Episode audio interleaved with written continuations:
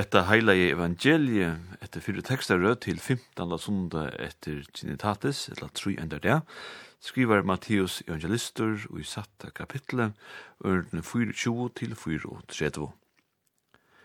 Ongen kan tjena tveimon herron, tog et annak først vil han heta annan og elska annan, eller vil han halda seg at træt øron og vannvire annan. Ti kunne ikkje tjena godi og mammon. Av hese søk sier tikkun, Stor ikkje fyrir luivetikkara, hva de skulle få at eta, og hva de skulle få at drekka, ei heldig fyrir ligamtikkara, hva de skulle få at fære ui. Er ikkje luive meir enn mætren, og lika med meir enn kleine, Hitje at himmelsens fuklun tar sjo ikkje, ei heldur tar hesta, og bera ei heldur saman i løvur, og himmelske fægertikkara føyer tar, er jo tid ikkje mykje mar verter enn tar. Men kvør tikkara kan vi stora letja eine elen at rett avsyne. Og kvi stora tid fyrir klævnum. Gjevet ikkun fær om liljenar av marskjene, hvordan der veksa, ikkje ter arbeida, ei heldur ter spinna, men det sier tikkun at ikkje sjálfur Salomon og i atlare dårdsyne var skryttur eins og ein tarra. Men ta henne god såleis klær i græse som i dag stendra men i morgen vi blæka og i ånen, Mannan ta ikkje mykje meir kleatikkun tid fatrunu. Tui er til ikkje at stura og sia hva skulle vi få at eta, etla hva skulle vi få at drekka, etla hva skulle vi få at leta kun ui. Tui at etter öllun slykun søkja heitne menn. Og tui at himmelski feir tikkara veit at tikkun tarvast alt slukt. Men søkje fyrst gods rujtje og rattvois i hansara, så skal alt hetta vera tikkun give omframt. Sture til ikkje fyrt denon i morgen, til morgendavren man stura fyrt i sunn ekna, hver davr hever no mykje og sunn plavo. Sture ikkje fyrt morgendenon. Hette er parster av til vekra og poetiska teksten som vi langko loivåkna lesa okken kvöld, hovast er prætikut teksten til og i morgen. Tui ta ikkje stura fyrir morgentenon er ikkje det sama som at vi onka apert hava av luivenon og at vi ikkje skulle brinja okkom til morgentegin og framtøyna. Tui hovas Jesus heilar trutja fyrir og i tekstenon sigur at vi ikkje skulle stura, så mersi hette ikkje at evangeliet til morgen lovar okkom eit sorglest luiv. Og i gamla Israel var det ikkje ovanligt at ein trælur kunde koma ut av støvu, at han kunde hava tveir eierar. Hetta kunde sjálvsagt geva trupleikar og hilde verur at hetta kan vera upprunnu til tiltakje, ongen kan tjena tveimun herrun. Men Lukas leter hetta tiltakje vera endan av luknelsen om luta lesa hushaldaran, så leter Matteus ljóa at ongen tjenare eller trellur kan elska annan herran og heta hin men bæje Matteus og Lukas er samt om at ønsken kan tjene bæje gode og mammon. Mammon verer av griskom male ofta brukt om vinning etla profitt. Og i teksten om til morgen verer vinningrun personsgjørtur vi navnet som mammon.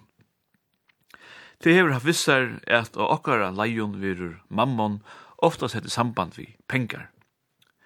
Men i teksten til morgen verur mammon sett i samband vi alt her som kan fåra einon menneska og i tjena gode.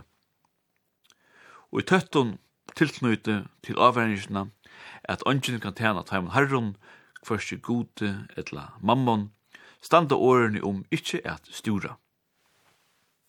Kja lukka seg vire årene om ikkje at stura sett i samband vi luknelse om tan ryga bøndan som sauna i og løvor, så han åtte rujtjelit av ötlun gåvun og i negv år. Hetta skriva Lukas i tölta kapitlet, og ikke honon er årene våren en avværing om at det er torrførst at trytja seg her i løvnum. Tja, Matteus er båskapen meira radikalur.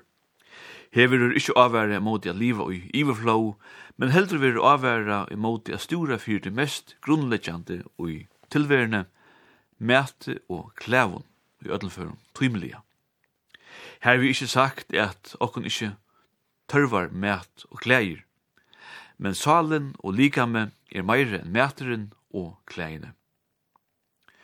Det er jo godfrøyngar som har vist av at i teksten om tås av Jesus bægir til okkara skil og til okkara kjensler. Jesus byr retorist som det eitur bægir okkara vit og skil hver av okkun kan letja ein elen at sett evesøyne via stora. Tu sturan er kvørsi til glede etla gagns fyrir okkun. Og vi okkara kjensler, sier Jesus poetiskt, at fuklaner etla blómunar sauna saman og løver. Jesus hevur korsene så frættar innliti og okkara psykologi etla salafrøye er at vi ikkje sleppa storanene så leis bæra vi einar handavending. Det er ikkje quick fix, som det ofta sier.